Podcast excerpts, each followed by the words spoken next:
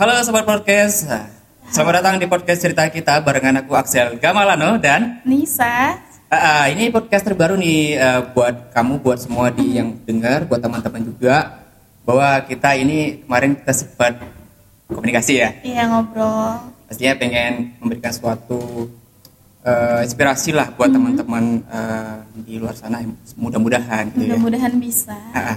Dan Nisa, Ya. gimana kabar hari ini? Kabarnya alhamdulillah baik. Seperti yang Abang lihat baik-baik aja nih. Ah, ah, oke abang biar kayak lebih kelihatan Abang. tua ya. Waduh. Axel aja panggil ya. Axel aja udah Ah, boleh. ah.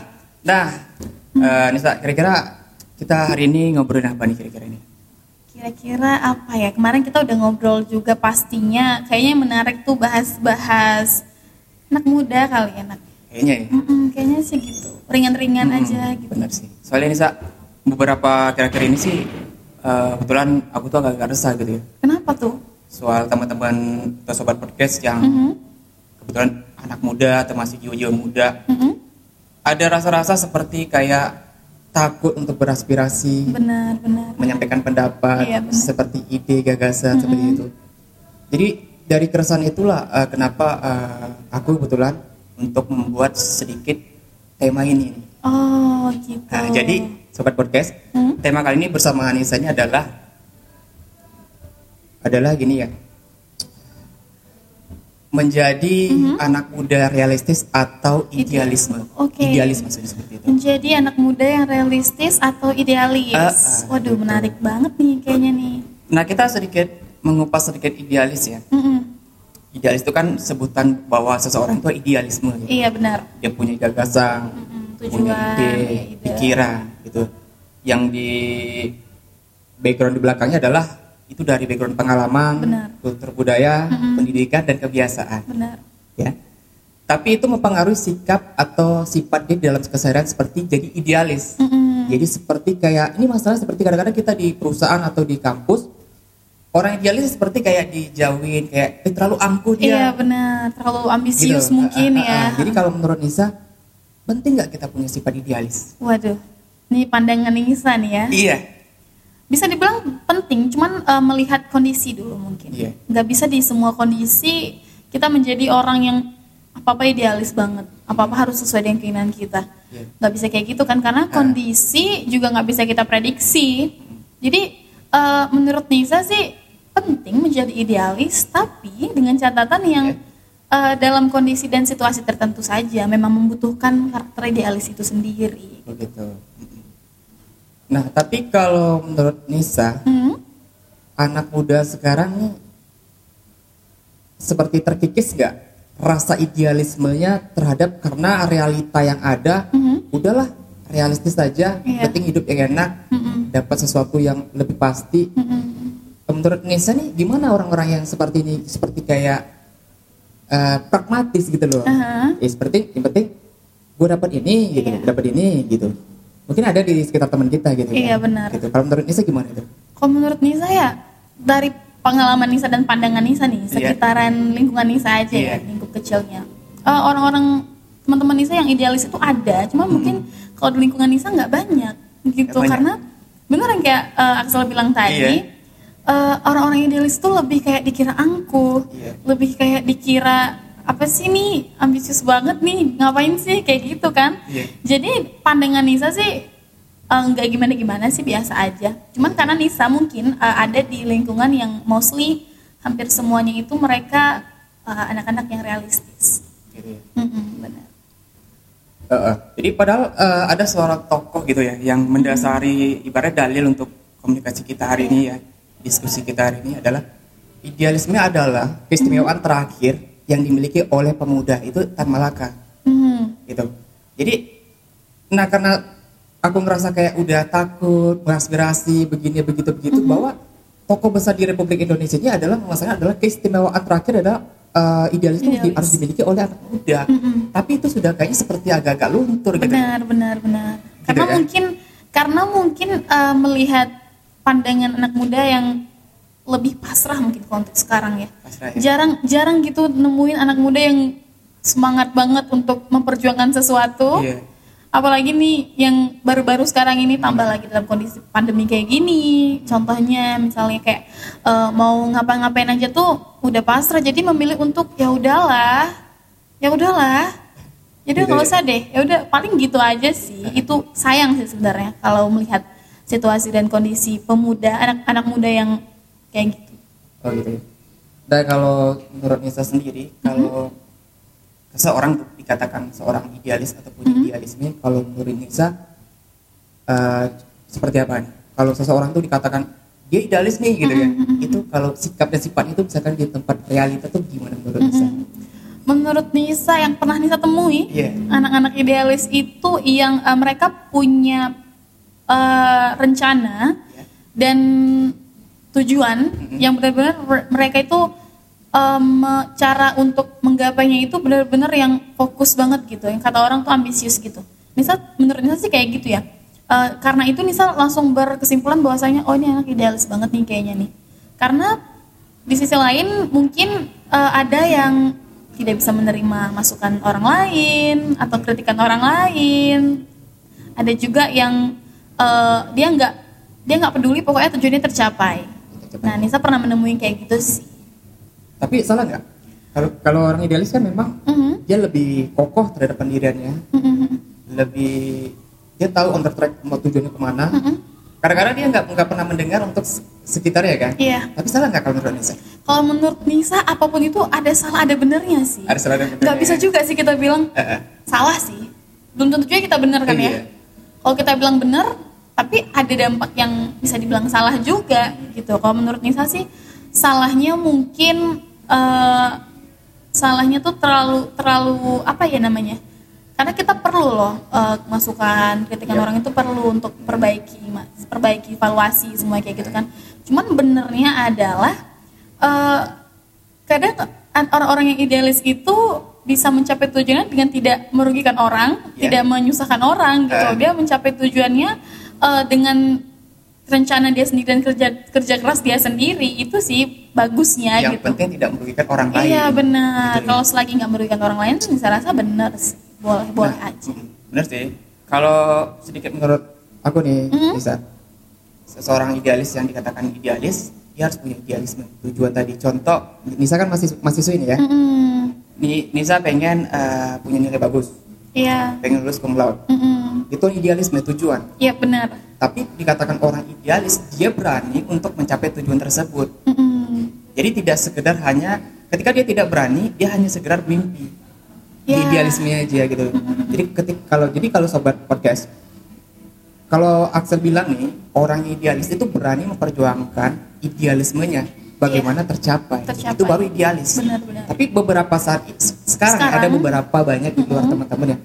Dia ingin seperti ini seperti itu memang katanya idealis. gitu. Mm-mm. Tapi satu pun nggak tercapai. Tercapai benar Nah, hanya sebatas kayak wacana lah mungkin. Eh, eh.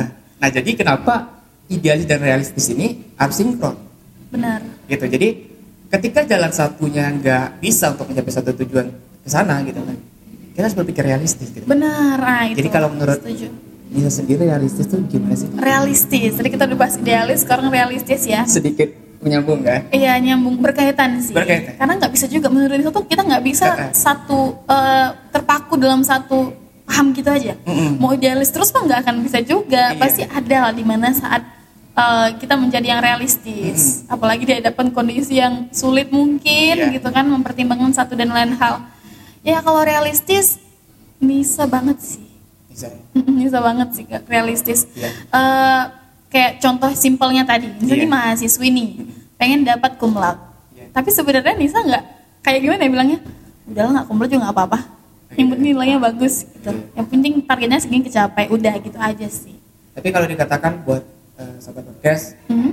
orang realistis itu cuma ngikutin arus doang, nggak punya pendirian, nggak punya karakter. Mhm. Gimana sih lo anak muda nggak punya pendirian? Mhm. bahwa pendiri bangsa ini seperti Soekarno itu punya idealisme yang tinggi untuk Mm-mm. perjuangan bangsa ini Benar-benar. seperti Che Guevara, Steve Mm-mm. Jobs gitu ya dan beberapa tokoh kayak Adolf Hitler Mm-mm. itu punya idealisme pemimpin-pemimpin besar tapi kenapa Yap. anak muda sekarang cuma realistis Eh, bahwa tapi eh, yang Akse bilang tadi ya Mm-mm. nggak punya karakter gitu Yap. itu cuma melawan ngikutin arus doang kalau menurut bisa gimana kalau menurut Nisa itu tadi balik kayak kayak Iya. eh, Nisa pribadi bukan realistis yang selamanya realistis. Iya.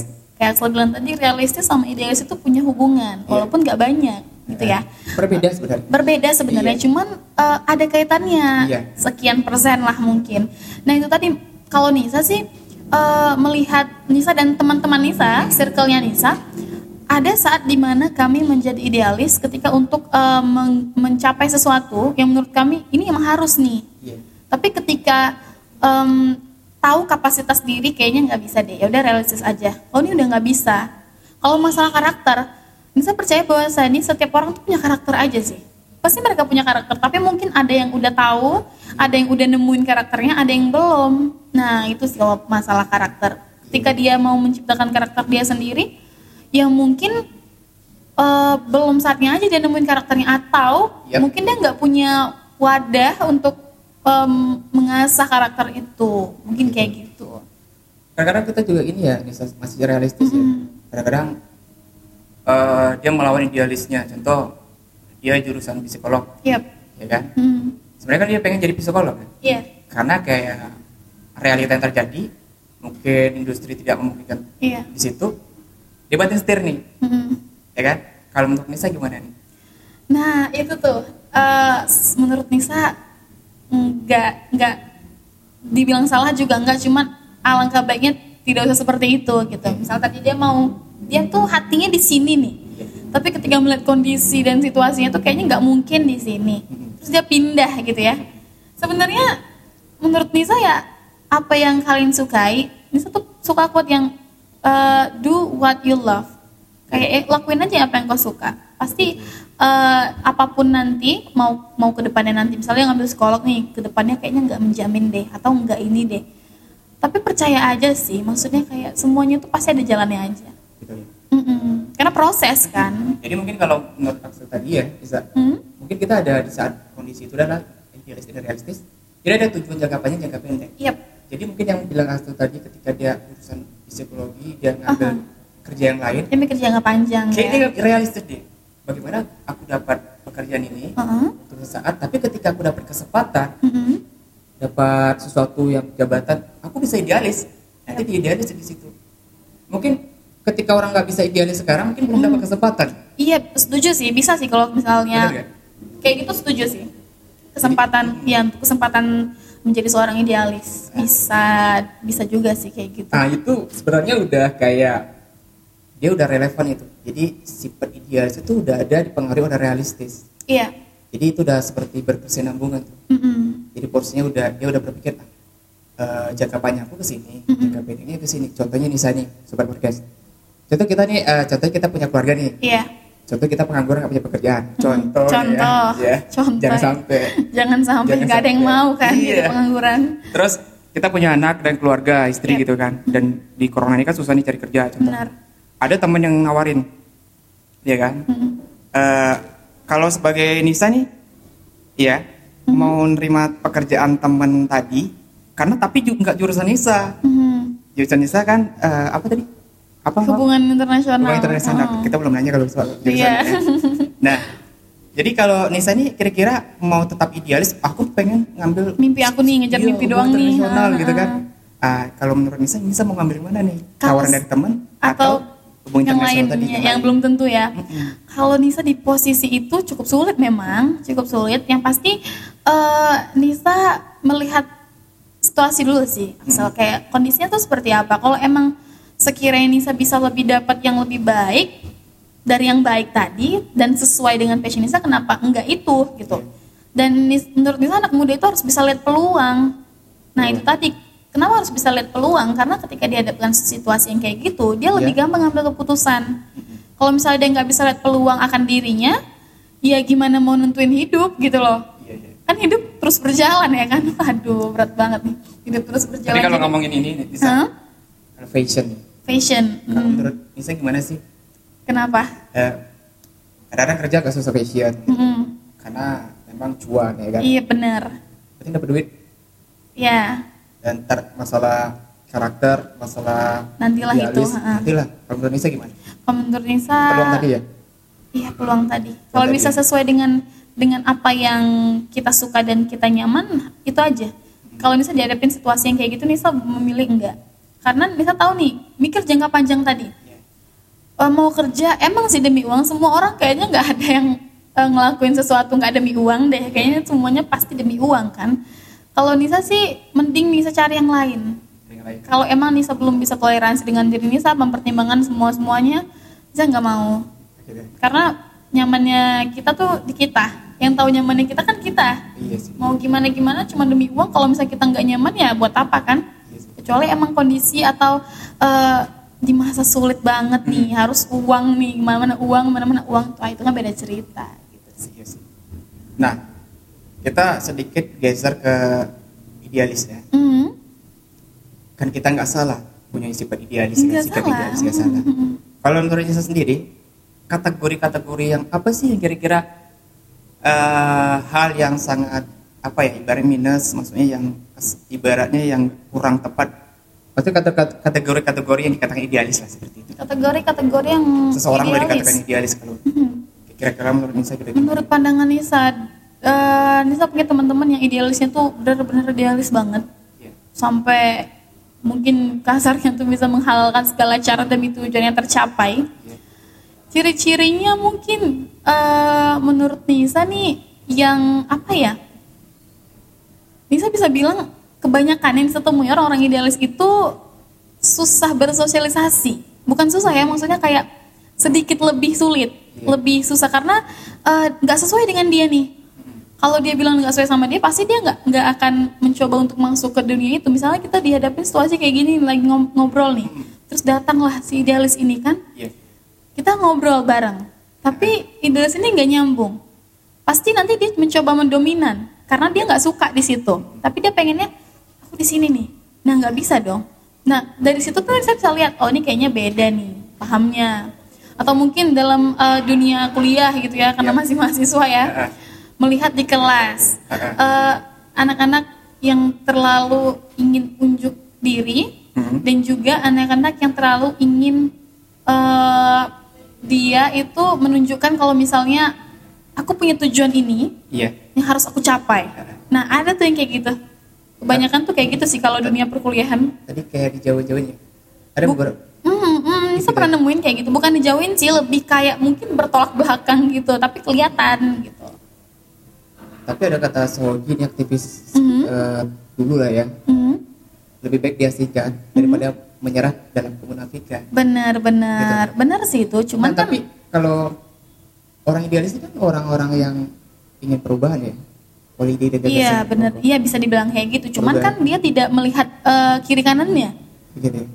dia kan nggak eh, hanya fokus dengan apa yang dia rencanakan, apa yang dia susun dan tujuan dia Iya. harus sesuai kan Iya. dengan tidak mempertimbangkan apa pun. Gitu sih menurut Nisa. Iya sih. Ya, Bapak juga sih. Axel ini sebenarnya idealis atau realis? Kita di- ini sebenarnya eh, Kalau ditanya kayak gitu tuh gimana? kalau ditanya kayak gitu, Ah, ah. Dulu sih idealis. Dulu sih idealis, idealis. gitu. uh-uh. Maksudnya kita harus punya idealisme gitu. Tapi Iya. kalau untuk eh, sekarang Mhm. kita harus bisa realistis juga. Yap. Karena ada sesuai porsinya. Nah, iya itu gitu benar. jadi memang seperti ma- dua mata sisi uang Mhm. jadi ketika kita realistis gitu kan kita memang melihat fakta di lapangan Mhm. dan kita bisa menganalisa Yap. dan kita bisa menyelesaikan masalah Mhm. dan kita juga butuh idealisme Iya untuk benar, untuk memperbaiki kekurangan realita itu. Benar. gitu. Jadi kalau menurut Aksa sendiri ini udah ada kesimpulan ini gitu ya. Eh, jadi antara realistis dan idealis itu seperti dua mata sisi uang Mhm. saling berkesinambungan. Iya benar. gitu. Jadi eh, idealis ini eh, apa namanya itu?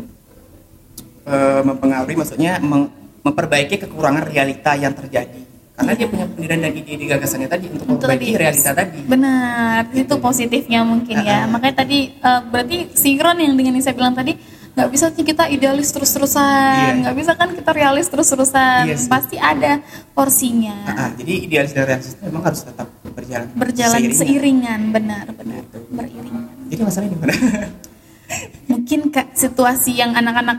Nah, jadi ini saya pernah nemuin Iya. eh, anak-anak idealis yang sebenarnya kalau Nisa lihat pribadi sih eh, anak-anak yang idealis itu bisa menjadi inspirasi juga sih sebenarnya menjadi uh, positifnya banyak. Cuma Ah. kan ada anak-anak yang menjadikan dia itu idealis, jadi orang pandangnya negatif gitu. Kayak apa sih nih orang aneh? Mungkin disangka kayak gitu, padahal kan Iya. nggak tahu pahamnya tuh beda sama anak-anak yang realis kayak gitu. sebenarnya bukan paham cuman ini doang cara berpendapat Berpikir, ya, benar. gitu. jadi kayak eh, lebih ke lebih sikapnya lebih frontal Mhm. dia orangnya lebih jujur melihat situasi dan keadaan gini ya gini gitu kalau orang realistis kan dia lebih basa-basinya ada banyak gitu. Jadi, tapi sebenarnya eh, aku To suka the sih point sama- gitu ya, idealis itu to the point gitu. waktu zaman kuliah itu banyak banget teman-teman yang yang sangat punya pendirian yang idealis gitu kan. Oh Jadi- gitu. Jadi apalagi di, di zaman mahasiswa dulu ya, mungkin di kelas tuh sampai ribut gitu ya. Iya, ribut benar. bener-bener ribut gitu diskusinya. Tapi di situ kayak udah lulus kuliah tuh kayak jadi seneng, wih dulu zaman-zaman kuliah itu enak ya, depan ini itu ini itu gitu. Tapi kita tetap berteman. Iya. Nah itu menurut menurut Axel yang kayak hidup gitu. Jadi kayak eh, perdebatan dia berbeda, apa pemikiran dia berbeda, itu jadi kayak yang nggak aku tahu jadi tahu.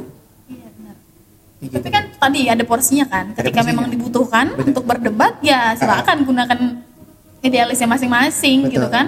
Tapi ketika udah nggak porsinya ya buat apa? Maksudnya kayak daripada tidak nyambung, tidak cocok, tidak sesuai ya seperti paham, paham aja lah kayak gitu tahu-tahu porsi aja deh. gitu. Iya sih. Tapi kalau untuk ini bisa Mm-mm, kalau untuk kultur budaya, mm-mm. kalau seorang punya sikap idealis itu kalau di kultur budaya kalau bisa gimana sih orang bisa Kultur dipengaruhi budaya. atau pengalaman empiris, Mm-mm. pendidikan, Mm-mm. atau mungkin yang dia lihat, dia rasa itu menjadi keyakinan yang menurut dia kokoh benar. Eh ide aku yang paling lebih bagus Mm-mm. aku harus kayak gini. Kalau dari kultur budaya, kalau menurut Nisa, apa sih yang membuat orang yang bisa dia lihat menjadi orang seorang idealis gitu? Culture ya. Cult- culture budaya ya Eh, nggak jauh beda sih sama apa yang kita bahas tadi sebelumnya. Hmm. karena menurut Nisa apa pun kondisi dan situasinya eh, mau kultur budaya mau pendidikan sama aja sih. Tapi ya itu eh, bahasannya beda. Maksudnya bidangnya beda kan? Lebih spesifik ke budaya dan kultur budaya. Kalau menurut Nisa untuk kultur budaya dan pendidikan eh, lebih cenderung harus realis sih menurut Nisa ya. Perlu sih idealis itu tapi kita perlu juga yang kayak eh, menerima masukan dari luar. Maksudnya kayak gimana ya bilangnya? Kalau idealis itu kan lurus aja nih dia harus capai dia udah susun bla bla bla bla bla sampai mentok nih. Kalau menurut Nisa nggak begitu perlu karena pasti ada pembaruan evaluasi itu penting sih mau di pendidikan mau di kultur budaya perlu. Jadi hampir sama aja ya di kultur budaya atau pendidikan yang mungkin yang nggak ada beda nggak ada perbedaan yang signifikan tuh nggak ada sih menurutnya ada ya. Nah, jadi kalau misalkan ini ya kembali lagi ya, istimewa nggak sih orang idealis ini gitu? Istimewa nggak gitu? Dan- istimewa Istimewa nggak? bisa bisa berani bilang istimewa sebenarnya uh, Axel ini kayak sebenarnya uh, su, su- dia suka nih se- berteman sama orang-orang yang mungkin bilang orang idealis itu Hmm. yang kayak tapi sama aja suka juga sama orang realis dan nanti Iya. dibilangnya aku berteman sama orang idealis Tapi nggak suka sama realistis iya ya. kedua suka. Cuman kayak kayak Axel tuh suka kayak yang ketemu sama orang-orang yang punya karakter dan pendirian teguh gitu. Benar. kekeh gitu. Kayak kalau laki laki banget gitu loh kalau cewek cewek banget gitu. Mm-mm. Nah, jadi kayak ini nih bilang, kayak pemimpin besar di Indonesia nanti calon gitu kan. Itu bercanda gitu ya benar kan benar. Soalnya orang-orang yang seperti ini nih yang udah jarang ditemu ini sekarang ini banyak kayak teman-teman atau bukan banyak sih nggak nama gitu kan. Mhm. yang udahlah gini kena harus pasrah aja kira-kira gitu ya kayak kalau Axel agak eh, lebih aware gitu loh. Jadi kayak diskusi sama dia bertemu sama dia wih banyak hal yang nggak tahu gitu loh. Mhm. gitu. Jadi jadi juga dia tuh orangnya nggak mudah apa ya anti mainstream ya. Jadi, jadi anti mainstream juga kadang-kadang ketika bekerja nih Axel juga ber- bekerja di kantoran gitu ya. Jadi ketika orang eh, kata A Mhm. dia punya ide lagi jadi kan kita mencapai sesuatu hal yang terbaik itu kan kita butuh beberapa pikiran gitu, benar ide, benar gagasan. benar kadang-kadang kan orang yang ya iya iya Iya. udah yang penting pulang cepat rapatnya gitu Selesai kan ada gitu, kayak gitu kan ada, benar. tapi ada orang yang saya bilang tadi yang punya pendirian dan idealis tadi itu memecah situasi jadi Hmm. orang berpikir berpikir iya benar nah kadang-kadang hasilnya aku alamin ya kayak gitu jadi kayak kalau saya cek udah nggak apa-apa sih ide baru ini Hmm. tapi paling intinya antara orang yang realistis dan idealis itu saling menghargai pendapatnya benar jadi ketika orang yang orang realistis itu menyampaikan pendapat secara pandangan dia ya kita terima Mm-mm. ya kalau misalnya orang idealis eh, menyampaikan pendapat ya juga kita harus hargai gitu kan karena pendapat apa pun di republik ini kan Iya. enggak Nggak ada yang salah. nggak ada yang salah gitu kita bebas bernarasi berpendapat benar yang penting kita tidak menghina orang lain kan tidak gitu ya Iya benar. Makanya tadi pas uh, Axel tanya istimewa nggak orang idealis? Istimewa. Ini sempat dibilang istimewa Iya. karena uh, kayak Nisa nih orang yang realis ini butuh sosok yang seperti teman-teman Nisa yang idealis. Iya. Misalnya nih Nisa pengen uh, kadang tuh suka iri ya sama Iya. orang-orang yang aduh keren ya dia punya planning sampai tujuan dia Iya. gitu dia kejar bener-bener dia kejar banget gitu kan cuman uh, tapi dia dia punya kualitasnya oke gitu dia mampu gitu kan nggak semua orang tuh bisa mampu maksudnya bukan ada porsinya masing-masing Iya. nih ukuran bajunya dia tahu lah gitu kan. Nisa membutuhkan sosok idealis itu sih. Sama kayak cerita Axel tadi Iya. mirip sih sebenarnya. Eh, butuh sosok pemimpin atau sosok apa nih? Bukan bukan. Bukan pemimpin. Di sini kayak eh, apa ya kayak misalnya mau Nisa tuh punya tujuan sesuatu. Terus Nisa butuh Nisa nggak bisa mikir nih. Ah. butuh kepala baru untuk bisa mengembangkan tadi jadi saling berpikir bertukar pikiran gitu sih. Jadi memang orang idealis istimewanya adalah dia tahu mau jadi apa ke depan. Benar. Dan dia juga tahu bagaimana cara untuk ke situ. Iya benar benar. Tinggal realistis atau enggaknya. Ya Iya, nggak? benar. jadi kalau nggak dia nggak realistis bisa memang kalau cara dia benar. Oke kalau misalkan lu mampu ya udah silakan. Tapi ketika lu nggak mampu di uh, idealis lu lu harus berubah caranya. Lu, lu bagaimana lu menggali lagi cara satu gagal cara kedua coba, Coba, gali dan lagi gali gitu jadi idealis kita tuh nggak hanya mimpi di siang bolong Benar, itu sebuah salah podcast ya enggak benar. jadi Nisa uh, sebelum kita diskusi ini banyak teman-teman uh, teman-teman Axel nih Mhm. is bagus materinya gitu soalnya ya, mereka tuh orang-orang yang uh, apa namanya itu yang kayak ber- berpegang teguh idealis gitu Oh. bukan berarti uh, Axel ngebela siapa-siapa gitu Iya, ya. benar. tapi cuman kayaknya mereka tuh uh, antusias banget soalnya Mhm. kayak itu tuh soal dilema banget karena di Mhm. beberapa di lingkungan itu sering dijauhin sering ah ngapain sama dia nggak asik Iya, mungkin eh, Gitu tidak kan? berada di lingkungan yang tepat mungkin Iya. ya.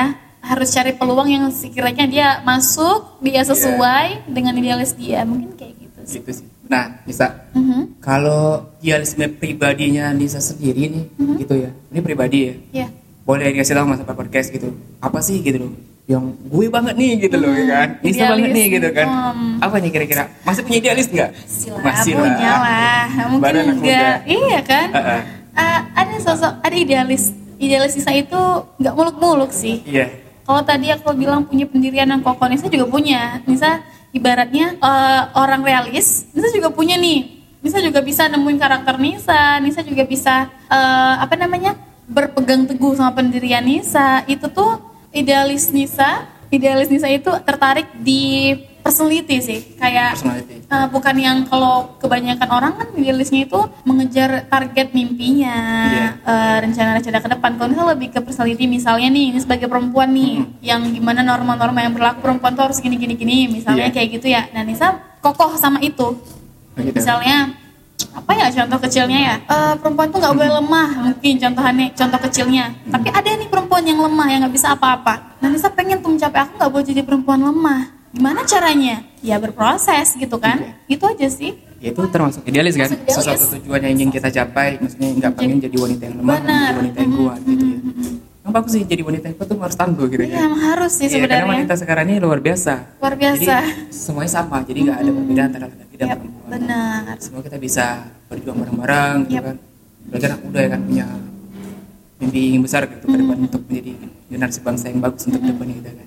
Kenapa Nisa mas kenapa Nisa ngasih contoh menjadi perempuan yang kuat? Karena masih banyak anak-anak muda perempuan yang Ya. eh, lemah bukan lemah dalam artian tidak bisa apa-apa ya. Iya. mungkin dia kondisi tidak punya wadah atau tidak punya apa namanya tidak punya kapasitas di situ tidak punya eh, peluang di situ. Makanya dia karena kondisi dia seperti itu gitu. Nah Iya. Nisa nggak mau aja tuh anak muda itu kayak gitu. Makanya pengen di sini idealis itu dibutuhkan kayak gitu. Jadi bisa lebih fokus aja sih. Fokus ya? Mhm. tapi kalau misalkan ini nih Sa, gimana dia seseorang yang mungkin yang nggak konsisten. Nggak konsisten Hmm. dan dibilang dia idealis juga. Sehingga enggak dibilang realis Tidak juga enggak juga gitu enggak. ya. Ada kayak gitu ya. Ada ada. Ini teman-teman mungkin nggak sebut nama lah ya. Mhm. kalau menurut menurut Nisa gimana sih teman-teman gitu Nggak konsisten nggak ya? konsisten. Jadi kayak kita kan anak-anak muda kan harus punya itu pribadi yang kokoh ya iya kuat gitu benar-benar menurut sih gimana sih menurut Nisa Nisa pernah sih di situasi itu maksudnya nggak konsisten gitu pernah. Nisa yakin setiap orang juga pasti pernah sih berada di, di situasi yang kayak udahlah besok aja deh udahlah. Bentar-bentar gini bentar-bentar gitu. Kan nggak punya ini ya nggak punya tujuan ya nggak punya konsisten ya nggak punya kons jadi menurut Nisa sih ya kalau udah berhadapan dengan situasi seperti itu balik lagi lah ke tujuan kita balik lagi lah ke yang apa yang udah kita mimpikan apa yang udah kita susun. Nah idealis lagi kan berarti kan? Itu sih pentingnya idealis itu. Iya sih. Dan Axel juga buat buat sobat podcast nih Mhm. yang punya sikap bersifat idealis kalau menurut sobat podcast yakin ya kerjakan. Yap benar. Lakukan. Mm-mm. karena kita butuh juga eh, anak muda yang eh, yang berani untuk menyerukan perubahan. Benar benar. Berani ide-ide gagasan itu perlu gitu kan. Perlu disuarakan gitu iya ya. perlu disuarakan. Tapi ketika gagal nanti kita harus siap. Benar. Jadi kalau menurut Lisa ketika misalnya kita punya ide dan gagasan untuk ke depan nih kalau gagal ini kira-kira ada tips nggak? Maksudnya untuk teman-teman yang biasanya Kalau kadang-kadang menurut Nisa, iya benar. suka nah Nisa pernah nemuin orang yang idealis ketika dia gagal Iya. dia benar-benar down sedown downnya. Apa emang orang-orang idealis kayak gitu? Nisa nggak tahu ya tapi Nisa temuin itu kayak gitu. Ada satu orang yang ketika dia gagal dia cari dia gagalnya di mana? Dia cari sampai akar-akaran tuh kenapa aku bisa gagal? Iya. dia cari di mana nih titik aku gagalnya? Kok bisa? Nah itu yang kurang kurang apa ya kurang nyatu sama Nisa. Sifatnya seperti itu Nisa nggak bisa. Kalau Nisa pribadi ketika Nisa gagal dalam tujuan Iya. Nisa Nisa lebih kayak evaluasi diri sih. Baru sendiri Ah, ah, nggak nggak mencari contohnya? Contohnya? Eh, mungkin melakukan hobi yang buat Nisa senang yang buat Nisa suka dan mencoba peluang lain. Nah. Nisa melihat kira-kira Nisa di mana ya bidangnya gitu yang Nisa suka gitu. Coba di sini deh. Misalnya dia mau tes beasiswa ini nggak Ah. lulus gitu kan Iya. ya. Kecewa pasti ada dong. Yang namanya gagal nggak mungkin kan Pasti. nggak kecewa. pasti Belum coba beasiswa ini gagal, agak down. hmm. Eh, sedangkan teman-teman Nisa semuanya udah udah mener- menjadi penerima beasiswa gitu ya Iya. gagal terus bisa coba be- beasiswa yang lain nah kayak gitu cari jalan yang mungkin bisa nih berpeluang kayak gitu peluang ya. sih. berarti peluang cari peluang, peluang lain. peluang lain. Gak hanya fokus di satu yang udah gagal ya udahlah. Atau enggak dia mencari-cari nih kenapa bisa gagal. Sampai segitunya kadang agak kaget aja sih. Ah, ah. tapi ketika memang kalau untuk menya- menyadarkan kita bisa nggak sih? Misalnya kita punya temen nih gitu ya. Hmm, Eh, supaya lu tuh supaya realistis dikit dong. Maksudnya kayak udah deh jangan terlalu aku pernah dibilang gitu nih di sobat Oke. podcast misalnya gini kayak lu terlalu idealis bego lu gitu gitu nggak makan lu gitu gitu ada tapi dia sambil bercanda kayak kawan gitu kan Iya. kayak mungkin ya menurut aku pas di pos- posisi itu aku ngasih ide yang memang aku yakin Oke, tapi sekitar Axel nggak yakin, nggak yakin gitu ya? Eh, eh, Axel tuh dibilang ya gua dibilang kayak gitu kayak jangan terlalu idealis deh please deh Iya. gitu. Aku pernah dikituin. Kenapa aku agak rasa hari ini? Karena aku pernah dikituin. Mhm. aku bertanya aku ngerasa nggak idealis? Tapi kok aku di pernah dulu di suatu company gitu kan. Mhm. Eh, yang menurut aku yakin ini, ide bagus gitu loh. Tapi mereka nggak nggak terima gitu kan. Mhm. udahlah kalau nggak terima gitu. Yang penting menurut aku nih tetap oke walaupun nggak Oke. diterima gitu loh. Kalau untuk menyadarkan mungkin hmm, nggak peluangnya kecil ya, karena setidaknya tuh kayak ayo bro realistis dong gitu loh gitu menurut saya tuh Susah ya? eh, tidak tidak Kayak mungkin ya mungkin sedikit Kayak menggurui. enak. Mungkin lebih caranya tuh lebih enaknya tuh mungkin kita bilang eh, gini loh kondisinya tuh seperti ini. Teman-teman tuh banyak nggak setuju. Mungkin gini cara yang lain aja sih lebih enak gitu ya. Karena nggak selamanya juga yang orang-orang idealis ini benar, nggak selama juga orang idealis ini salah bener gitu jadi eh, kalau Axel bilang bisa nggak menyadarkan orang yang idealis enggak mau mau mau idealis mau realistis pun eh, kita nggak bisa menyadarkan manusia kita hanya bisa saranin atau mungkin kita kasih pengertian seperti Ah. itu sih Iya sih. Tapi ini juga sih. Kalau ini sih bisa kalau agar kita berpikir logis, Mhm. logis secara maksudnya nggak ngikut bukan ngikutin harus juga ya Mhm. logis maksudnya kayak dimulai dari mana sih untuk bersikap realistis tuh jadi men- men- menurutnya berpikiran itu kayak mungkin baca buku Iya. Mhm. atau melihat fakta-fakta di lapangan kalau menurut Nisa untuk teman-teman sobat podcast nih Mhm. biar kita berpikir realistis tuh gimana sih mulainya gitu biar tahu arahnya kali ya harus ke mana Iya. menurut Nisa yang Aslo bilang tadi kayak baca buku melihat fakta di lapangan itu penting tapi yang paling penting adalah tahu kapasitas diri sendiri Iya. Itu sih yang paling penting. Eh, tahu harus apa tahu mau ke mana tahu sukanya apa. Nah ketika dia udah tahu nih tiga hal ini dia pasti eh, auto paham. Maksudnya kayak oke nya aku cenderung ke sini deh. Oke deh ke sini. Dan ketika dia nemuin nyamannya dia ya pasti dia akan paham sendiri. Kayak gitu sih menurut Nisa kalau untuk baca buku atau melihat fakta di lapangan itu kayaknya nggak perlu dibilang lagi kayaknya emang harus itu penting gitu apa pun yang kita lakukan kita harus lihat ke depan kita harus lihat kondisi yang akan kita hadapi seperti apa kayak gitu sih tadi Nisa ngomongin nyaman Iya. tapi ada seseorang Mhm. pribadi atau beberapa teman sobat podcast ini mungkin Iya. ya. bukan mungkin lagi ada gitu. ada dia nggak tahu eh, di dalam kondisi nyaman atau enggak Mhm. maksudnya sebenarnya kondisi nyaman tuh kita rasain bisa di mana sih gitu loh. apakah memang udah dapat jabatan yang bagus Oke. atau cuannya bagus Mhm. rasa nyaman itu kategorinya di mana gitu kalau menurut Nisa Kalau menurut Nisa nyaman itu bukan perkara berapa uang kita dapat kita nyaman. Enggak sih. Menurut Nisa nyaman adalah di mana kita eh, nemuin senangnya kita tuh ketika kita melakukan sesuatu. Seneng nih klop banget nih sampai kayak mungkin bisa ngelakuin berkali-kali dan berulang-ulang. oh gitu Mm, nyamannya Nisa menurut Nisa seperti itu. Mungkin kalau misalnya ada orang yang nggak nemu nyamannya di mana, Iya. mungkin eh, kurang banyak proses yang dilaluin dan kurangnya peluang yang diambil, eh, kesempatan yang diambil. gitu ya Nah itu sih menurut Nisa. kalau kesempatan kadang-kadang orang yang nggak jenius ya Mhm. ketika ada peluang nggak diambil itu gimana sih kira-kira kayak maksud terlalu banyak mikir nih supaya Oke. nggak terlalu banyak mikir kalau menurut Nisa sendiri gimana sih Kalau Nisa pribadi, eh, ketika ada kesempatan yang memang sesuai dengan Nisa, Nisa ambil. Selama ini sih jarang Nisa menolak kesempatan yang menghampiri. Aduh, Iya. bahasa berat banget. bagus tuh Iya, cuan itu tuh bonus sih menurut Nisa. Sekarang, nggak iya. tahu ntar setahun ke depan kan nggak tahu ya. gitu kan. Benar Jadi eh, ketika Nisa kayak mikir eh, harus gimana ya bilangnya kayak misal nih kita lagi ada kesempatan Hmm. menghampiri gitu ya. Iya. Jarang Nisa bilang enggak deh. Kayaknya nggak bisa deh. Kayaknya nggak dulu deh gitu. Bisa jarang yang kayak gitu. Oh gitu. Biasanya kalau ada kesempatan mikir pasti mikir. Mempertimbangkan satu dan lain pasti. Cuman yang eh, cepat biar cepat juga memutuskan sesuatu gitu. Keputusan untuk mengambil kesempatan itu atau enggak gitu. Mempertimbangkan misalnya kira-kira nanti kalau aku ambil ini bisa nggak ya aku kayak gini atau mungkin kira-kira kalau misalnya aku nggak ambil ini bisa nggak ya aku kayak gini? Nah kayak Jadi, gitu. pertimbangan ya. Pertimbangan. Tapi Mm. harus eh, jangan terlalu lama juga. Benar gitu benar. jadi intinya manfaatnya lebih banyak untuk Nisa sendiri gitu ya. Benar. Itu aja sih. Kalau untuk sobat podcast kira-kira ada yang mau diomongin apa nih? Gitu maksudnya yang mau disampaikan. Oke, ya. bukannya bukan pesan-pesan terakhir ya? Oh, jangan dong. Jangan dong gitu kan. Jangan maksudnya dong. kayak dari beberapa durasi tadi gitu Yap. eh, dari sampai sini apa sih yang mau diomongin sobat podcast? Mungkin untuk sahabat podcast mungkin eh, macam-macam ya. Mungkin yang dengerin ada yang idealis banget ada yang Iya. realis banget gitu ya. Mungkin Nisa mau nyampein eh, tahu porsinya aja sih. Maksudnya kadang nggak semua orang bisa nerima keidealisan kita. Kadang juga nggak semua orang bisa nerima eh, kerealistisan kita.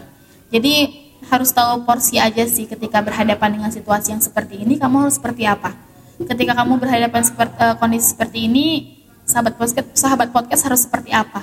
Paling itu aja sih. Peka dong gitu ya? Peka dong gitu. Jangan mau dia du mau maunya kamu aja gitu. Lihat sekitar dong. Kayak anak muda sekarang kan peka dong gitu kan peka dong. Masa dikotain dikodein udah nggak peka kan? Iya gitu kan. Aduh. terus sering di DM gitu. Oh gitu. Bercanda dikit. Aduh. Nah eh, Nisa, Hmm. kalau untuk ke depan ini banyak apa ya perubahan-perubahan gitu ya. Kayak akses-akses juga lebih mudah, media sosial Iya gitu ya. teknologi. Itu kan kalau terbudaya kalau berbicara tentang budaya kan sudah banyak bahasanya terkontaminasi gitu. Maksudnya Benar. kayak budaya-budaya Barat. barat ke sini gitu kan. Kalau menurut Nisa gimana sih? Sebagai Hmm. kita sebagai anak Indonesia Yap.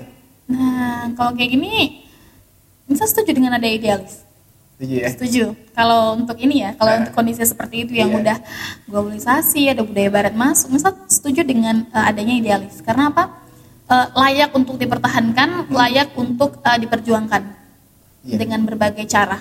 Kalau untuk perkara budaya Indonesia yang harus kita pertahankan, nggak usah dengerin yang barat deh. Barat-barat itu terserah mau masuk. Kalau bisa kita pertahankan gitu, kita buat lagi, up lagi, biar makin sadar anak-anak muda bahwasanya eh, ada budaya Indonesia yang layak banget untuk dipertahankan, yang Iya. layak banget untuk diperjuangkan. Ah. Bisa setuju kalau jelas digunakan di Setuju ya? Setuju. Sama sih. Tapi kadang-kadang Axel nih agak terganggu juga. Dia lebih cinta produk luar negeri daripada. Benar. produk Indonesia. Jadi kayak jadi sold out gitu loh. Apalagi Iya. beberapa bukan per, per- banyak kan sih perempuan eh, Axel lihat ya. Iya. Dia pakai brand yang luar negeri gitu. Uh-huh. Maksudnya kayak kayak yang branded gitu ya. Yap. Dia lebih bangga daripada produk Indonesia. eh, Indonesia. Pad- Padahal produk Indonesia ini kadang-kadang bukan kadang-kadang lagi. Mhm. Bagus loh kan Bagus. sering dikirim ke luar negeri bahwa kan orang-orang Iya. Bali suka kayak di Bali gitu. Jadi kalau uh, menurut Nisa nih, biar memecah pikiran mereka, "Ha- Hai, orang Indonesia bagus loh gitu. Mhm. Mau diomongin apa sama mereka? Sebenarnya tidak ada yang bisa disalahkan kalau kayak gitu. Iya. Eh, karena gini, setiap orang melakukan sesuatu pasti punya alasan dong. Ah. Kita nggak tahu kondisi yang membuat dia seperti itu apa. Hmm. Misal nih artis-artis atau mungkin eh, orang-orang yang pakai-pakai barang branded, Mhm. mungkin mereka pernah pernah punya pengalaman yang udah beli dari Indonesia tapi nggak sebagus itu kualitasnya. kan Pernah kita nggak tahu, pernah kecewa, bisa Iya. jadi kan? Atau mungkin eh, yang dia inginkan tidak ada di Indonesia bisa jadi makanya ketika ada yang seperti itu ya boleh-boleh aja sih menurut saya silahkan gunakan barang brand tapi tidak melupakan apa yang ada di Indonesia kayak gitu masih eh, balance aja sih balance produk Indonesia kita pakai produk barat juga kita pakai tapi Iya. jangan cenderung ke barat gitu kan ke barat-baratan jadinya Karena kekayaan kita luar biasa ya. luar biasa Apalagi banget wisata ya. apalagi alamnya tuh bagus Kalau banget. misalkan kita sedikit kita kan cinta Indonesia, itu Iya. kan pergi ke idealisme tadi ya. iya Kalau Nisa sendiri, Mhm. Yang menurut tempat yang nggak boleh diubah nih gitu. Misalkan Nggak kayak dibangun, maksudnya biar aja kayak gitu nih gitu kan. Mhm. Dan Nisa pengen ke situ di Indonesia ini di ke mana? Eh, tempat yang nggak boleh diubah semuanya semua bisa semua eh, alam alam di Indonesia nggak usah dirubah-rubah deh Oh gitu udah ya. diciptakan cantik banget indah banget ini saya pengen lagi mengunjungi Bali Bali. Mm, Bali pengen banget karena di situ benar-benar eh, paradise-nya banget sih emang bener kata orang di situ bagus banget alamnya bagus budayanya kental banget nah di Bali itu kalau bisa dibilang saya bisa bilang itu di situ udah kayak bukan Indonesia lagi tapi ciri khas Indonesia masih ada paham kan maksudnya kayak orang-orang di situ tuh dominan bule Boleh. apalagi di daerah Kuta. Mm-mm. Tapi gimana masyarakat Bali tidak menghilangkan identitasnya? Iya. Nah itu yang saya salut. Kental Keren, loh. kental banget. Jadi etnik-etnik itu di, pas, di, di pasar dijual. Bener, Jadi kayak orang luar negeri pun suka. bener. Nah makanya bahas tadi itu kayak, eh keren loh gitu loh. Hmm, Ngapain pakai si bangga orang eh, produk luar Ba- negeri iya, gitu. Maksudnya, di Indonesia bagus-bagus gitu. Mhm. Dan orang barat-barat tuh ke sini juga beli produk kita. Indonesia, dan dia ke sana balik lagi gitu kan. hmm, karena nggak pernah mungkin nemuin yang kayak iya gini. semoga kita bisa aja ke sana ya ke Bali ya. Amin, semoga. So, sama eh, saya juga belum pernah ke Bali. Padahal dulu apa namanya tuh studi juga deket Mhm. di Jakarta dulu kan. Oke. Tapi malah nggak pernah ke Bali. Padahal deket kan. Kalau dari Bisa baru sekali sih ke Bali dan pengen lagi, pengen banget pernah gitu. Katanya. Duh, Tapi banget punya sih. temen banyak. Ah, tapi belum pernah datang aja ya. Jadi kalau misalkan ke sana pasti ketemu mereka, mereka. Kampungnya beli jaring.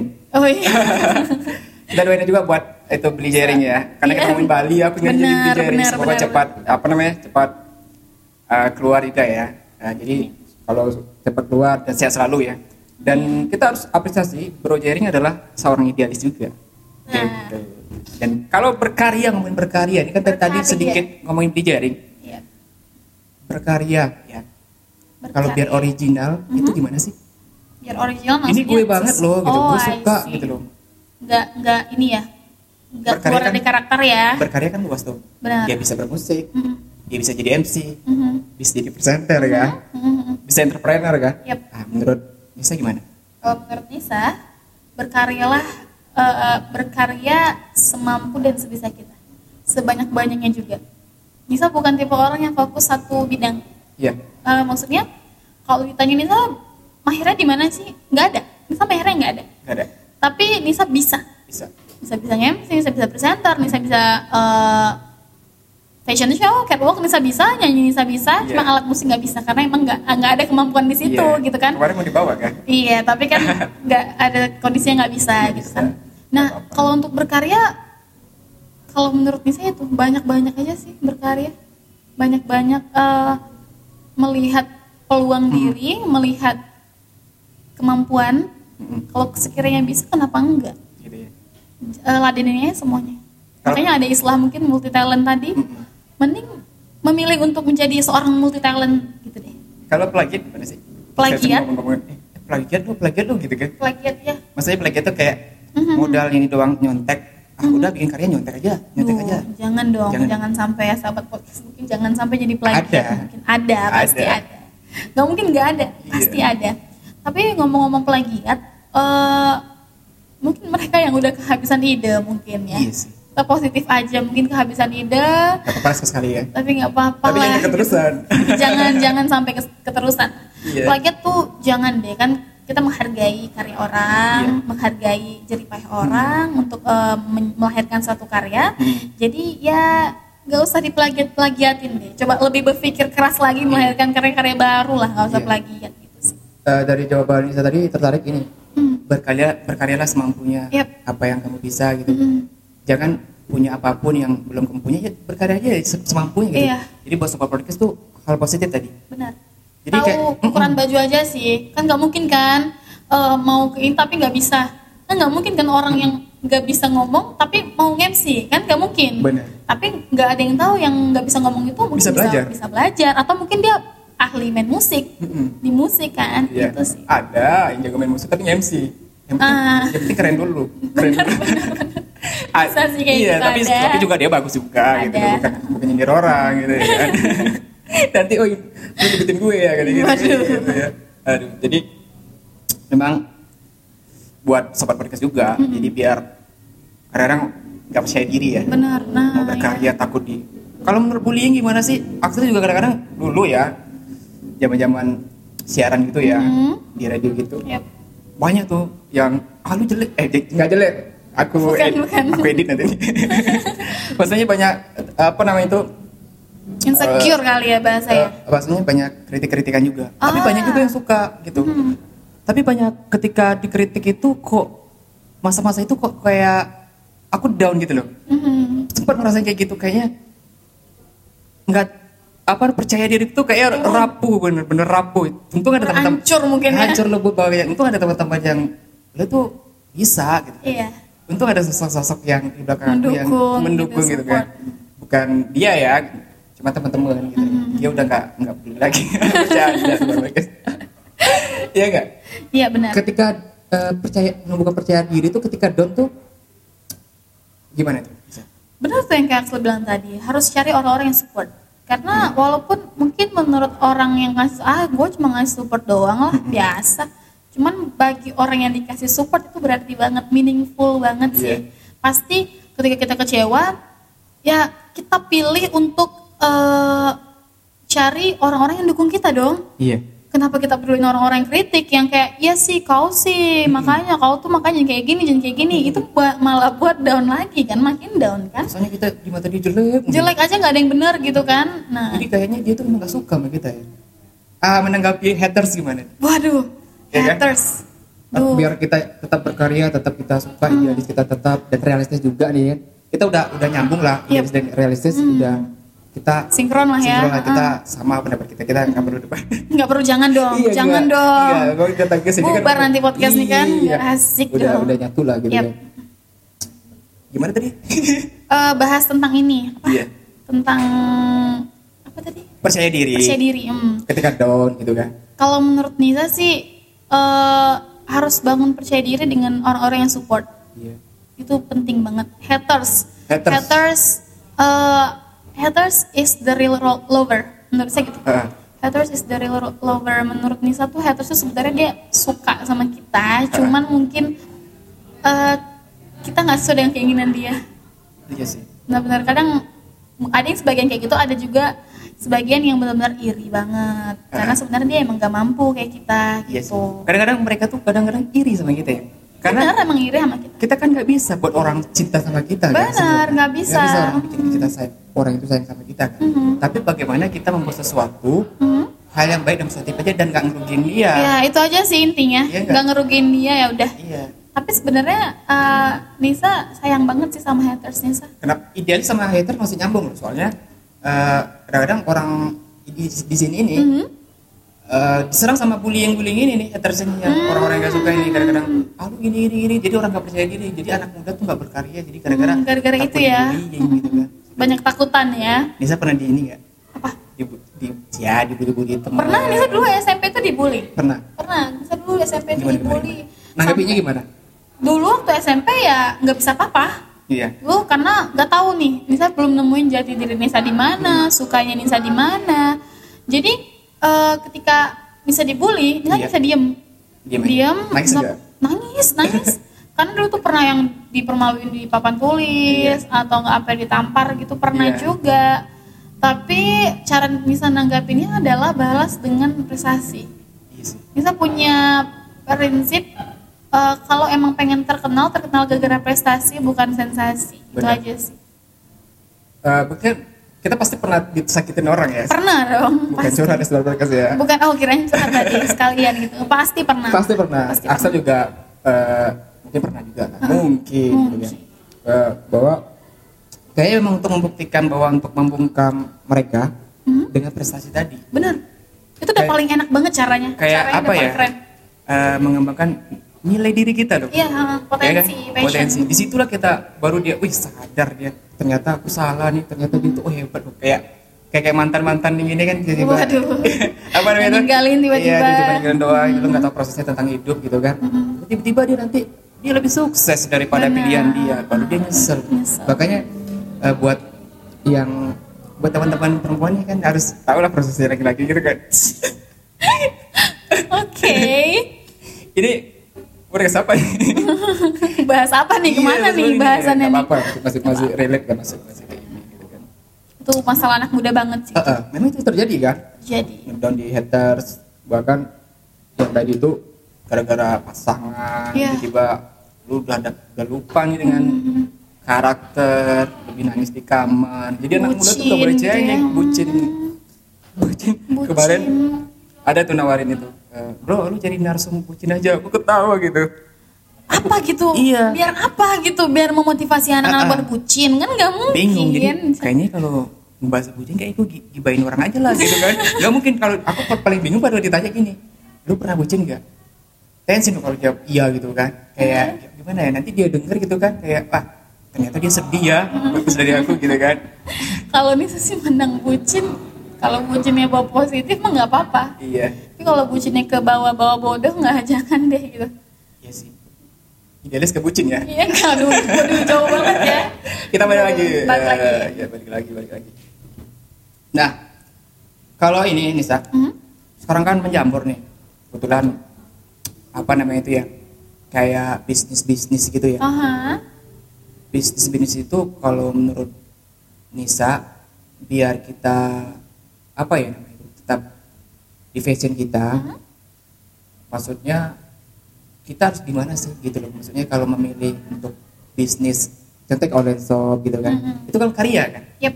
nah biar karya kita tetap bukan mendunia sih maksudnya berkembang aja gimana sih Kak? stabil gitu. iya gimana sih menurut Nisa eh, kalau misalnya kadang itu tadi sesuai dengan fakta di lapangan Hmm. misalnya nih Nisa pernah coba untuk eh, jualan Iya. jualan barang perempuan Iya. gitu gitu pernah. Tapi Nisa nggak nemu nyaman Nisa di situ dan Nisa nggak eh, apa ya nggak nger- nggak bisa. Nggak bisa di situ. Jadi saya stop. Saya tahu kapasitas, kapasitas diri Nisa gimana. Cuman Nisa ber eh, akhir-akhir ini memang setahun belakangan ini emang minatnya kayaknya pengen buka bisnis deh gitu. Nah, tuh Madam. Kenapa saya buka bridging ke situ ke bisnis? kenapa Nisa bisa berpikir pengen buka bisnis? Karena Nisa ngelihat eh, teman-teman yang buka bisnis. Iya. Kayaknya dengan mendukung banget dengan fakta di lapangan anak muda yang buka bisnis itu menjamin untuk ke depan Iya. itu tadi everything about money kan Yes. bener nggak ya dong. kan everything about money jadi kayak mana pun caranya ngasilin uang dengan Iya. cara kita sendiri gitu dengan tidak yang pasti dengan nyaman dengan suka dan kesukaan kita dengan hobi yang bisa menghasilkan uang itu lebih enak banget rasanya gitu kan jadi ketika Hmm. misal berpikir pengen buka bisnis tapi aku kayaknya nggak bisa deh untuk uh, menjalankan itu gitu ya nggak ada yang susah di dunia ini kayaknya kita bisa mungkin teman yang teman yang bisa teman yang ngerti emang kita bisa untuk ajak collab atau mungkin bantu dong Iya. banyak kan cara yang lain gitu gitu sih bagus tuh kalau anak muda yang berbisnis dari awal tuh bagus banget Bagus ya. salut sih Iya sih. 2021 harusnya kayak resolusinya harus tetap berjalan. ya. benar apalagi kan pandemi kayak gini kan Iya. pasti online online kayak gitu tuh Iya. marak banget gitu sih. Soalnya Berpeluang punya besar. punya teman juga yang kayak kayak gitu tuh yang kayak Mhm. punya online shop tapi tetap Oke. berjalan. Tapi dia ada juga aku eh, jadi cerita dia nih gak apa-apa ya. apa-apa nggak apa-apa Eh, sempat juga ngedown sedikit di, di corona ini maksudnya kayak omsetnya turun gitu ya. Mhm. Jadi kayak itu kan harus butuh support juga jadi Iya. biar tetap berjalan gitu ya. Mhm. Makanya tadi kan eh, kayaknya harus kita eh, sama-sama tetap percaya gitu kan bahwa setelah penyakit pandemi corona Yep. ini kan mungkin semua bisnis bisa kembali lagi gitu kan. iya benar Gitu. bisa kumpul-kumpul lagi mungkin kan bisnisnya sesuai yang kasihan itu yang bisnis bisnis bisnis seperti yang eh, emang ke online gitu emang on the spot gitu kan kasihan kan ya ya yang online online mah masih jalan seperti biasa gitu Iya sih. susah sih Nah, kalau ini bisa Hmm? jualan kan juga ada kadang-kadang yang gue nih suka produk ini. Kan belum tentu konsumen suka. Itu kan bicara idealis ya? Iya benar. Kadang dia udah tahu konsumen gak suka lu tapi tetap, tetap jual. tetap kemauan dia. Nah masuk itu kayak- yang nggak boleh iya, gitu. itu kan. Itu kalau saya gimana sih? ya nggak boleh. Maksudnya kayak membaca kalau pasar. kalau emang kalau emang mau jualan ya harus lihat pasar dong. Iya. Konsumen sukanya yang kayak gimana? Eh, maunya yang kayak gimana? Jangan kemauan kita sendiri. Kalau kemauan kita sendiri mah nggak usah berbisnis dong. Yes. harus kayak gitu kan. Ya untung-untung kalau misalnya ada yang seleranya sama sama dia. Ada pasti mungkin yang sama seleranya jadi suka gitu kan. Cuman kan kayaknya pembis pembisnis itu semuanya ngelihat peluang pasar deh kayak gitu. Fakta di lapangan tadi kayaknya. Pasti berpacu, berlomba-lomba berpacu untuk siapa yang lebih bagus siapa yang lebih banyak eh, penariknya yang bisa lebih menarik konsumen pasti kayak gitu. Yang pasti juga analisanya kuat. benar harus harus realistis juga kan. Mhm. dan juga boleh lu punya karakter di situ lu masukin ide ide lu Mhm. tapi lu juga punya realistis juga terhadap pasar gitu ya kan benar mungkin idealisnya lebih untuk eh, kayak mana dia membangun suatu usahanya Ah. dia harus idealis dengan ide-ide bla bla bla tapi ketika untuk keluar dari situ ya harus menjadi realistis lah ambil Yang- fakta di lapangan yang istri bilang ide realistis itu nggak salah Benar. Idealis juga nggak benar maksudnya nggak gue ulang tadi ulang tadi tadi idealis itu nggak salah Iya. tapi juga nggak benar realistis juga belum tentu salah belum tentu benar juga Iya gitu sih. Itu dapat mantap itu di situ. Nah, Jadi semoga sobat podcast eh, apa ya bisa terbuka lah gitu ya. Mhm, pikirannya lebih kebuka aja sih Eh, suatu kegagalan bukan berarti akhir dari segalanya. Benar. Karena di saat ini orang banyak yang ini loh kegagalan industri agak banyak pemecatan, Iya. banyak curhat-curhat juga. Gue gini gini gini gitu, Mhm. banyak kesusahan ekonomi juga. Gitu. Jadi ya di sini banyak yang banting setir gitu kan. Yang menurut aku ya kita harus realistis gitu. Maksudnya tetap tetap berjuang gitu ya Iya. kan, tetap berpikiran positif ke depan dan tetap apa ya berpikir bahwa semuanya belum berakhir. benar nah itu Gitu. tadi ketika kita menghadapi pak masa kayak gini pandemi covid ya. Kita dituntut eh, mungkin hanya sekian persen orang yang tetap bertahan dengan idealisnya. Iya. tapi pasti banyak banget orang yang lebih milih untuk realistis. Iya sih. gimana caranya dapat uang? Udah mau kerja apa pun yang penting dapat uang. Karena apa? karena kondisi tadi Mhm. yang nggak bisa mendukung kita mewujudkan idealis kita tadi gitu. Mungkin bisa untuk beberapa orang. Tapi kan kita Indonesia ini banyak gitu ya. Dan eh, nggak banyak juga orang yang mampu. Ma- pasti yang punya idealis itu harus punya effort dong. Dari mulai finansial eh, materi semuanya. Makanya dia mampu. Bayangin kalau yang nggak punya apa-apa Iya. yang nggak punya yang nggak punya effort yang nggak punya kapasitas dan kemampuan. Bisa apa? Pasti hanya ya udahlah coba aja deh ini ini dapat uang. Ya udah deh coba aja ini dapat uang. Pasti kayak gitu. Yes. susah kan? Boleh tetap idealis tapi Benar. harus realistis gitu. Benar. dan orang idealis yang Aksa bilang tadi lu berani mengejar mimpi lu gitu loh hmm. Ja- action lah biasanya ya jangan action iya benar jangan eh, cuman sekedar omong punya doang sikap sifat lu kayak gitu cuman eh, lu kekeh di situ tapi lu nggak ada pergerakan Yep. jadi bos sobat podcast sebenarnya kita bikin ini tuh pengen menyemangatin teman-teman sobat podcast iya pengen ngasih motivasi Iya. mungkin biar apa lebih semangat biar lebih bisa menghadapi orang-orang Iya. yang nggak soalnya kalau misalnya nggak kebuka nih pikirannya Iya. nanti yang pernah Ansel hadapin tadi tuh ngapa sih nggak Ah. mau gitu mungkin lebih bisa menjaga sikap aja sih Iya. menghadapi orang yang idealis atau yang realis gitu. kalau akses sih kan berteman- kasihan ya Iya. maksudnya kayak ini rame-rame realis tiba-tiba ada idealis masuk Iya. diterima kan kasihan ya Iya sih. Kalau akses sih, kalau untuk sobat podcast juga bertemanlah eh, mau realis atau idealis tetap Yap.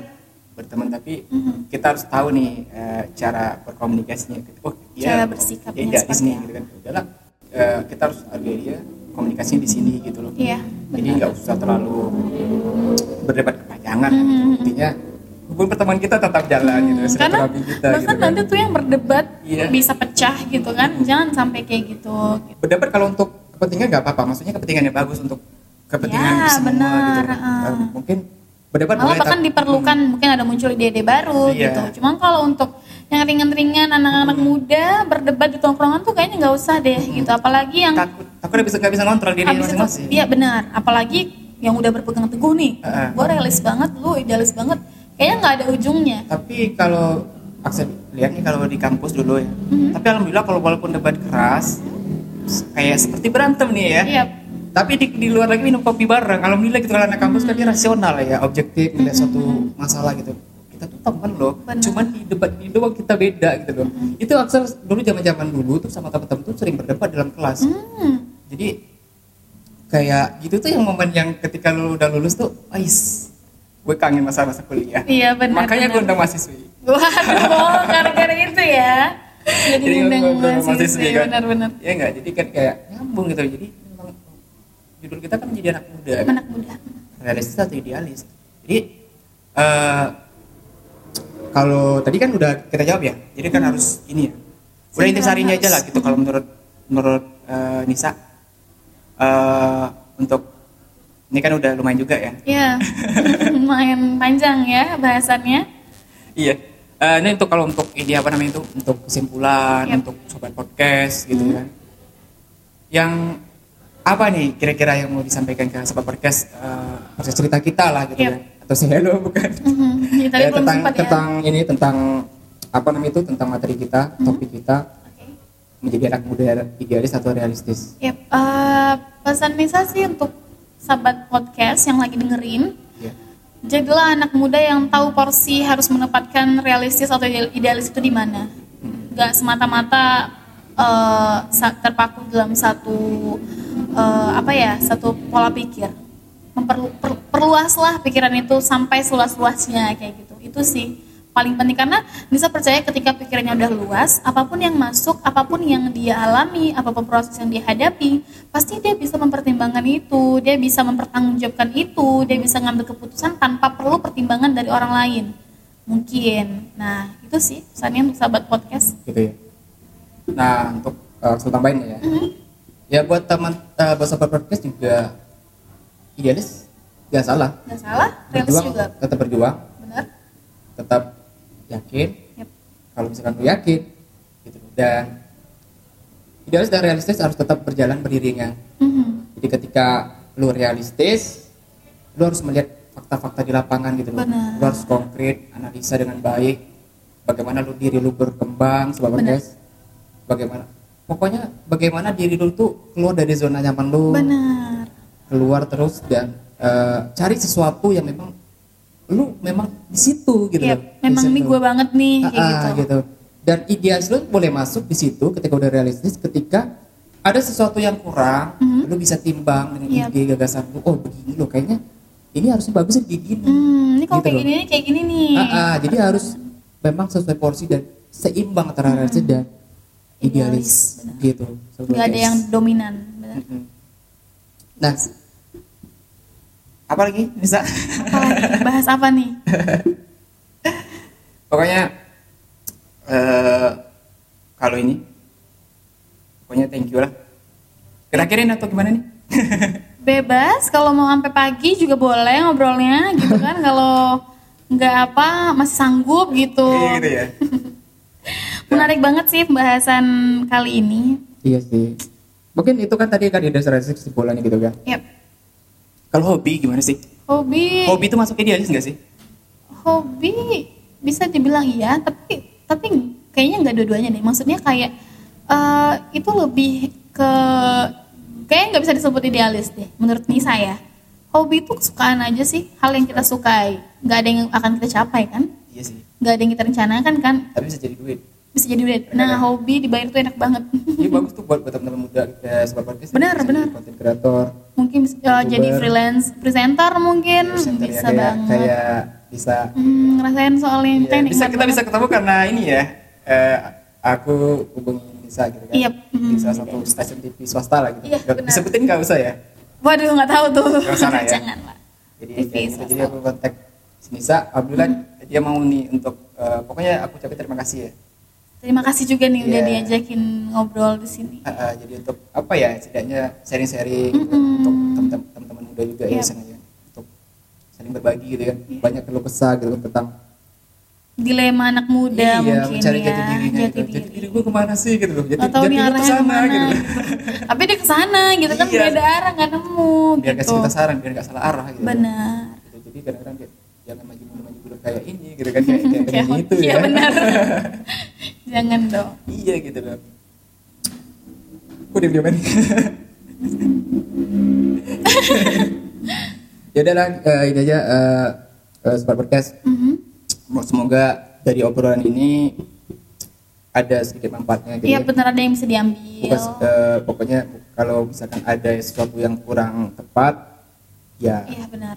nggak usah diambil gitu Yang baik-baiknya aja saja, diambil. baik-baiknya aja gitu sobat podcast ya pokoknya tetap berjuang tetap berkarya buat Tetap berkarya. eh, sobat podcast mau lu mau jadi apa intinya tidak merugikan orang gitu ya Benar, fokus aja stop sih. aja eh, tetap percaya diri haters Hmm, Gak usah perluin kata orang sih. Mm, tetap apa namanya konsisten dalam diri lu dan yakin Yakin dan tetap harus positif. bisa sampai Waduh. itu kayak itu kayak itu ya tagline ada suatu organisasi gitu ya tapi nggak usah disebutin deh kita ya ya udah Sobat Oke. podcast eh, terima kasih udah tadi udah mungkin udah dengerin Mm-hmm. terima kasih dan kalau misalkan mau eh, follow sosial media kita ya di Boleh. at podcast cerita kita Nah, follow ya yang follow dengerin nih. like Follow. pasti gratis kok Gratis kok, nggak bayar. Mm, jadi di situ nanti ada info-info terbaru ya kan materi-materi baru Siapa mungkin- lagi mungkin yang akan diajak kan ya? Nisa juga bisa main ke podcast kita lagi Boleh. gitu ya kan untuk teman-teman gitu. Nah, ya udah eh, sobat podcast eh, Axel Gama Alano pamit. Nisa juga pamit. Eh, pokoknya sukses selalu di mana pun usaha resolusi 2021-nya Mhm. tetap berjalan ya. Semoga tercapai. Eh, eh, see you and See you next bye bye. Bye bye.